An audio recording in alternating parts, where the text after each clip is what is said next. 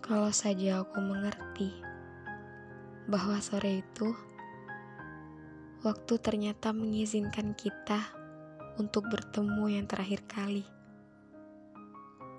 Aku akan memelukmu dengan sangat erat, meminta pada semesta agar pergerakan jarum jam dapat melambat, atau bahkan hal yang lebih gak masuk akal dari itu berharap semuanya terhenti ketika aku dan kamu sedang menuntaskan segala rindu. Kita akan saling berbagi cerita lebih lama. Kita akan sama-sama mengabaikan peristiwa terbenamnya matahari dan diganti oleh purnama. Kita akan saling melempar pujian dan ledekan yang akan jadi bumbu kisah paling mengesankan. Saling menatap kekaguman satu sama lain, bersenda gurau berdua, seolah tak pernah mengizinkan orang lain untuk masuk dan mengambil alih jalan cerita yang telah kita rangkai secara rutin.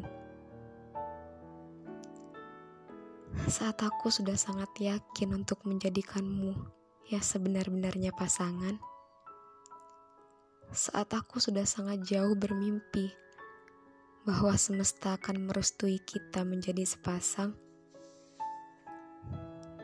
ternyata Sang Maha berkehendak lebih sayang. Perasaan kita harus dibiarkan abadi dalam doa-doa.